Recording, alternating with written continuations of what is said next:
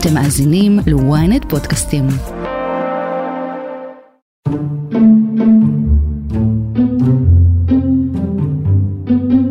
ראש הממשלה בנימין נתניהו דחה את ההצבעה בקבינט המדיני-ביטחוני על ההצעה לאפשר הכנסת אלפי עובדים פלסטינים, לאחר שהבין כי רוב השרים אינם תומכים בה. הקבינט האזרחי בראשותי החליט אתמול להמליץ לקבינט המדיני-ביטחוני שלא לאפשר להכניס פועלים ערבים ליהודה ושומרון בעת מלחמה. מאז פרצה המלחמה, אסרה ישראל על כניסת עובדים פלסטינים מהגדה לשטחה. האיסור על כניסתם פוגע בכלכלה הישראלית, אבל לא רק בה, הוא גם מציב את הכלכלה הפלסטינית בסיכון, וכך גם מערכת הביטחון מתערערת. אבל לא כולם מסכימים על זה. מדינה חפצת חיים לא מכניסה לתוכה את אזרחי האויב בזמן מלחמה. זה נכון בעזה, וזה נכון ביהודה ושומרון. האם הפסקת העסקתם של עובדים פלסטינים תמוטט את הכלכלה הפלסטינית ותגביר את הסיכון הביטחוני? האם ישראל פיתחה תלות כלכלית בגדה? בכמה זה ייקר לנו את מחירי הדירות? ומדוע אי אפשר לבנות רק על עובדים זרים? אני שרון קידון, וזאת הכותרת. אלישע בן קימון, כתב השטחים של ynet וידיעות אחרונות, ממש לפני השבעה באוקטובר, כמה פועלים פלסטינים נכנסו לעבוד בישראל? אנחנו מדברים על uh, כניסה בשגרה של כמאה אלף פועלים פלסטינים שנכנסים לעבוד בתוך שטח ישראל, ועוד כ-40 אלף בשגרה שנכנסים לעבוד משטחי יהודה ושומרון להתנחלויות בעצם.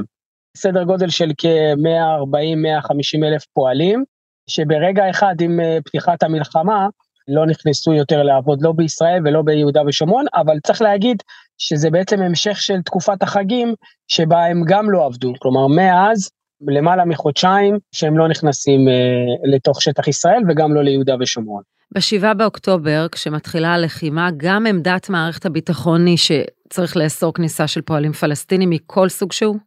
כן, זה היה מאוד מאוד ברור, אחרי כל ההבנה שאנחנו נמצאים כאן באירוע מאוד מאוד גדול, כאשר החשש העיקרי היה לא רק מאזור הצפון, שגם משם תיפתח איזושהי סוג של מלחמה, אלא גם בתוך שטחי יהודה ושומרון.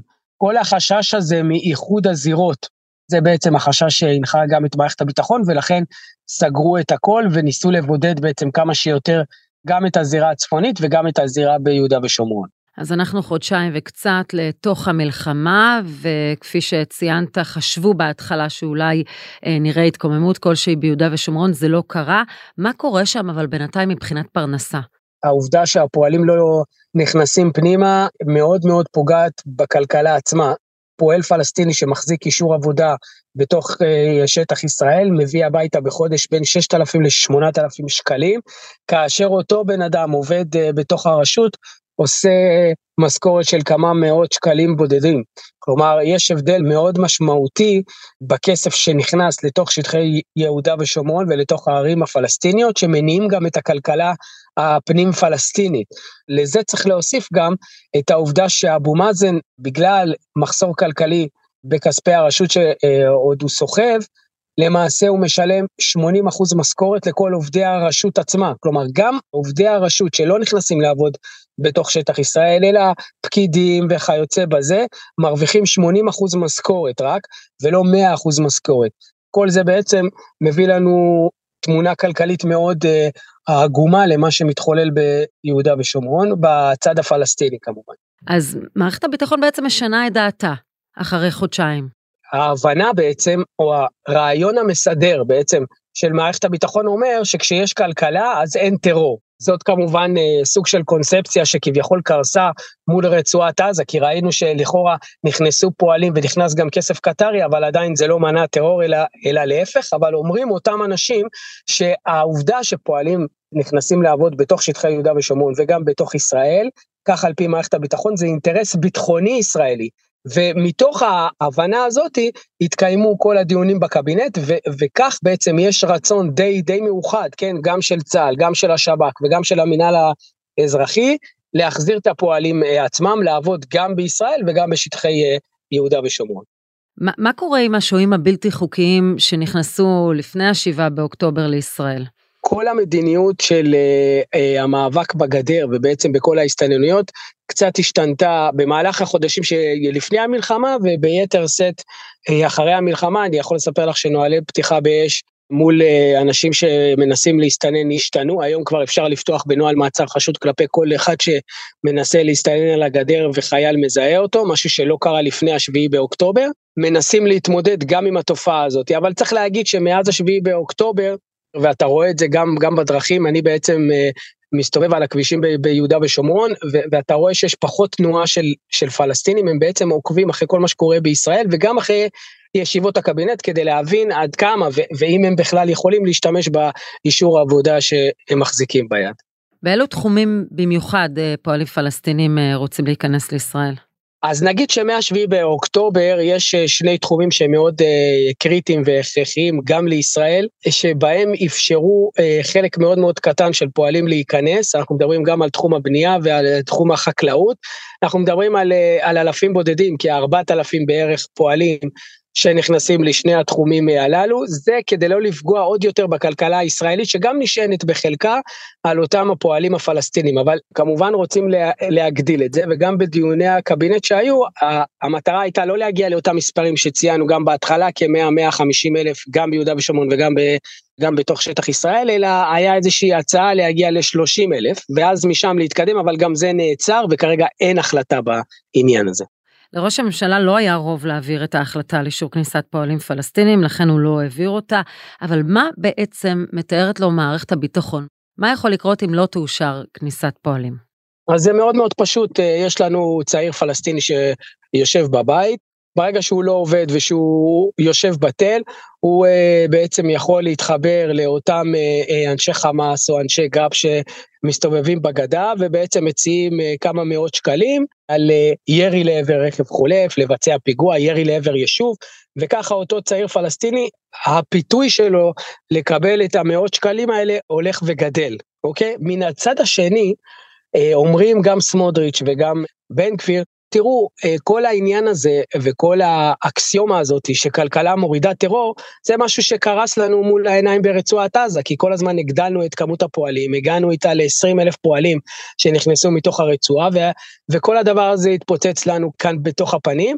למה הדבר הזה לא יכול לקרות גם באיו"ש? כלומר, ברגע שאני אכניס מהם כמה שיותר, אז אני יותר חושף את עצמי. זה בעצם ההבדל בין הגישות uh, עצמם. כמובן שב, שבמערכת הביטחון אומרים שהשליטה, גם הצבאית, גם המודיעינית, שיש לצה"ל, uh, בתוך שטחי יהודה ושומרון, אין מה להשוות את זה לתוך רצועת עזה, ולכן זה סוג של סיכון מחושב.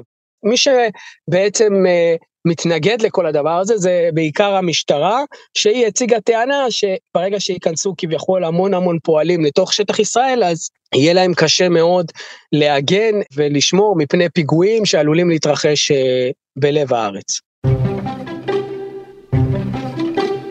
אלישע בן קימון, תודה רבה לך. תודה רבה. מיד נמשיך עם הפרק ונבין גם באיזה ממדים הנושא משפיע על כלכלת ישראל. אבל לפני זה, אנחנו מזכירים לכם להצטרף לקהילת הכותרת, לעקוב אחרינו באפל או בספוטיפיי, וכך תוכלו לקבל עדכון בכל פעם שעולה פרק חדש. גד ליאור, הפרשן הכלכלי של ידיעות אחרונות וויינט, אילו ענפים במשק הישראלי הכי נפגעו מאיסור כניסת הפועלים הפלסטינים? בעיקר כמובן הבנייה, יש ענף שקוראים לו תשתיות, למשל, אני מרבה לנסוע מירושלים לתל אביב, יש גשר תלוי כבר חודשים מעל הכביש במחלף לא רחוק ממודיעין, לא עובדים בו בכלל. יש uh, כבישים, אתרים שונים של תשתיות שלא עובדים בהם. כמובן הבנייה, ועוד ענף מאוד חשוב, ענף הניקיון. הרבה מאוד עובדים מיו"ש עובדים בענף הניקיון, בין היתר ברשויות מקומיות, בחברות, אני מכיר חברה גדולה אה, באזור ירושלים שמעסיקה למעלה מ-30 עובדי ניקיון, אף אחד לא מגיע. אז אה, מנסים לגייס ישראלים, ואנחנו מכירים את הישראלים, אני לא אומר את זה בביקורת, אבל ישראלים לא רוצים לעבוד בניקיון, אני אומר גם יהודים וגם ערבים לא רוצים לעבוד בניקיון, נוצר מצב, סיפר לי סמנכ"ל בחברה, שאנשים בעצמם באים לשם בבוקר ומנקים את המשרד ואת המסדרונות, לא שזה דבר אסור, אבל פשוט אין עובדים. מה המשמעות הכלכלית של אי הכנסת הפועלים בצד הישראלי כמובן? המצב החמור בצד הישראלי הוא שתקועות כאן הרבה מאוד מחויבויות של המדינה, אמרנו כבר תשתיות, ואמרנו כבר עבודות שונות של בנייה, אבל גם כמובן הקבלנים, הקבלנים הפרטיים, ואני דיברתי גם עם, אה, לאחרונה עם ראול סרוגו, אה, נשיא הקבלנים, וגם עם אנשים אחרים בתחום, יש שם חשש כבד מאוד לפשיטת רגל של חברות, לא רק של קבלנים עצמם, אלא חברות שעובדות איתם, אלה שמייצרים כל מיני מוצרים לדירות, שכבר חודשיים לא מוכרים אותם, הם לקחו כבר הלוואות, הם כבר, יש להם את. המוצרים האלה, אבל הם לא יכולים להעביר אותם הלאה, אין, אין, אין מי שקונה אותם. זאת אומרת, הנזק הכלכלי מהעמידה במקום של ענף שלם, כמעט עמידה במקום, הוא נזק קשה מאוד, והוא גם בצמיחה של המשק משפיע בצורה רצינית, זה יכול להיות עשירית אחוז, שתי עשיריות אחוז, זה הרבה מאוד בצמיחה של משק. צריך לדבר גם על הנזק ארוך הטווח, דיברת על אפשרות של קריסה של קבלנים, אבל צריך לחשוב גם לטווח הארוך, זה יכול להשפיע גם על מחירי הדירות בהמשך. ברור שזה ישפיע. קודם כל, אני עצמי במקרה במקרה נתקלתי באיזה אירוע שבו אה, מישהו חתם על חוזה להשכרת דירה, לשכירת דירה, והוא ביטל אותו, ביקש לבטל, כי הוא לא יקבל את הדירה החדשה, והוא לא צריך גם לפנות את הדירה הקיימת. זאת אומרת, נוצר מצב שכל התחום הזה בעצם תקוע, אנשים היו צריכים לקבל דירות, הם לא מקבלים אותם, הם מנסים לבטל חוזים, הם היו אמורים לעבור לדירה אחרת, זה בלאגן גדול. עכשיו זה לא שבוע-שבועיים, אנחנו מדברים על כחודשיים וחצי, וההערכות כעת הן שהמלחמה הזו נכנסת עמוק לתוך שנת 2024, כך שיהיו כאן עיכובים משמעותיים שיגרמו, אני אומר, משתמש במילה, לבלגן גדול מאוד בתחום הזה, אנשים לא יקבלו דירות, יהיו דירות שכמעט גמורות, יהיו דירות שאנשים יצטרכו להיכנס אליהן כשהן לא גמורות, ואולי להשלים בעצמם את הבנייה של דברים, התקנת האמבטיה או, או צביעת הדירה וכך הלאה, שהקבלן לא הספיק כי אין עובדים, אגב גם אז מי יעשה את זה? אולי במחיר גבוה מאוד, אנשים שלא עבדו קודם בענף הבנייה.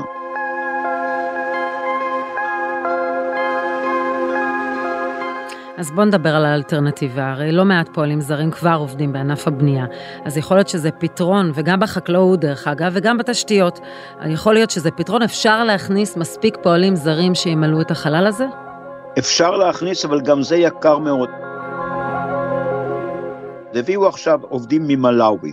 זו מדינה רחוקה, רק לדוגמה, אין בכלל קו טיסות למדינה הזאת, צריך להביא אותם לפה, אנשים רחוקים מאוד מה, מהשפה שלנו, אני אומר, כשעובדים פה 30 אלף תאילנדים בכל מיני מקצועות, הם, יש להם קהילה, חלקם מדברים אלה עם אלה בשפה שלהם, גם כשאתה נמצא פה כבר חמש או שבע שנים אתה יודע עברית, וכך הלאה, אגב גם סינים, פתאום מביאים אנשים ממדינות שלא היה להם שום קשר לכאן, הם לא מכירים את המדינה, הם לא עובדים פה כבר שנים רבות, והם יעבדו כנראה פחות טוב מאחרים. עכשיו תהיה בעיית תקשורת של אני לא יודע כמה מנהלי עבודה אצלנו יודעים מלאווית, זאת אומרת, אני נתתי סתם דוגמה.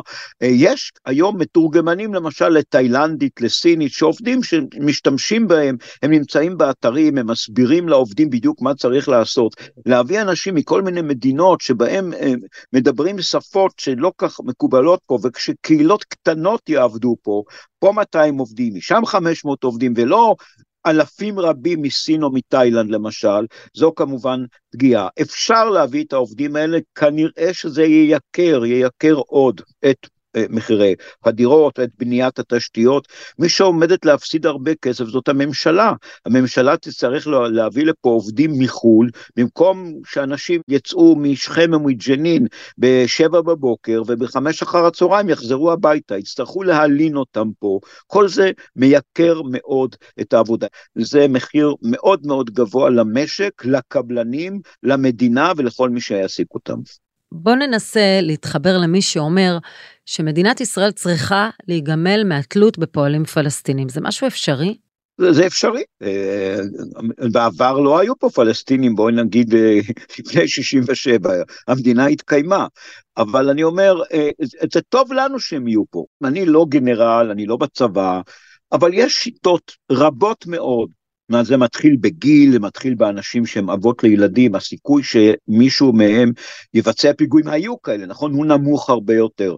אנחנו צריכים לנסות גם לתת להם פרנסה. עכשיו, רוב האנשים האלה, ואני אומר את זה חד וחלק, אין פה שמאל, אין פה ימין, רובם לא מחבלים, רובם רוצים לפרנס את המשפחה, הרבה מהם אה, אה, אוהבים לבוא, אני, אני מכיר אישית עובד שנמצא בהר חוצבים, והוא היה מגיע.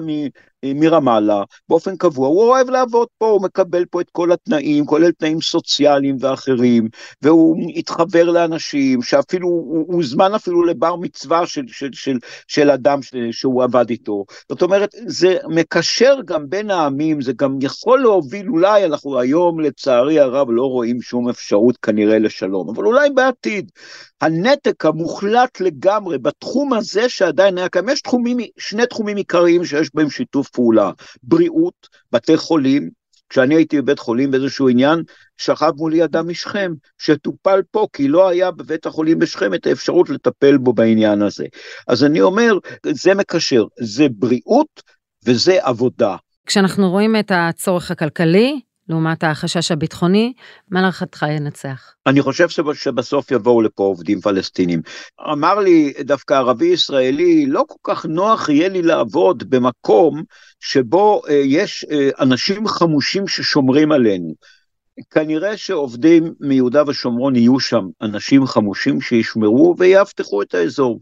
היום המצב הגרוע, ואולי נאמר את זה לסיום, הוא שאנשים ברעננה, הרצליה, קריית אתא, מקומות אחרים, לא מוכנים שיעבדו שם עובדים ערבים ישראלים, הם מפחדים. כאשר אני לא זוכר, לא זוכר מקרה שבו ערבי ישראלי שעבד באתר בנייה ביצע פיגוע. ו... נראה לי שלא יהיה נכון להכניס לאתר כזה אנשים חמושים שישמרו על ערבים ישראלים.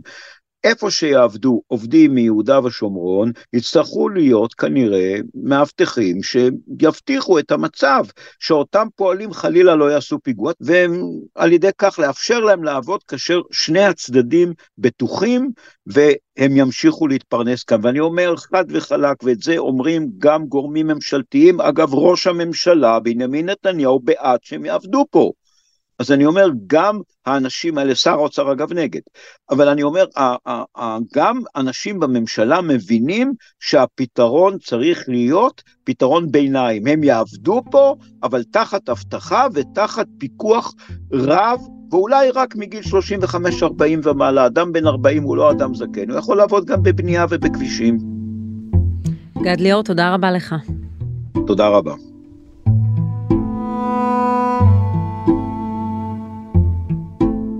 ועד כאן הכותרת להפעם. אם עדיין לא נרשמתם לעקוב אחרינו באפל או בספוטיפיי, כדאי לכם. אתם מוזמנים לדרג אותנו, להגיב לנו. את הכותרת אפשר למצוא גם באתר ynet או באפליקציה, בנייד וברכב. אם הגעתם עד פה, אתם מוזמנים להאזין לעוד פרק שלנו על החזית שניסה חמאס לפתוח בשטחים. חפשו את הפרק הזירה המבעבעת ביהודה ושומרון. תחקיר הפקה ועריכה גיא סלם ועדן דוידוב, סאונד נדב חלד, אני שרון קידון, שמרו על עצמכם.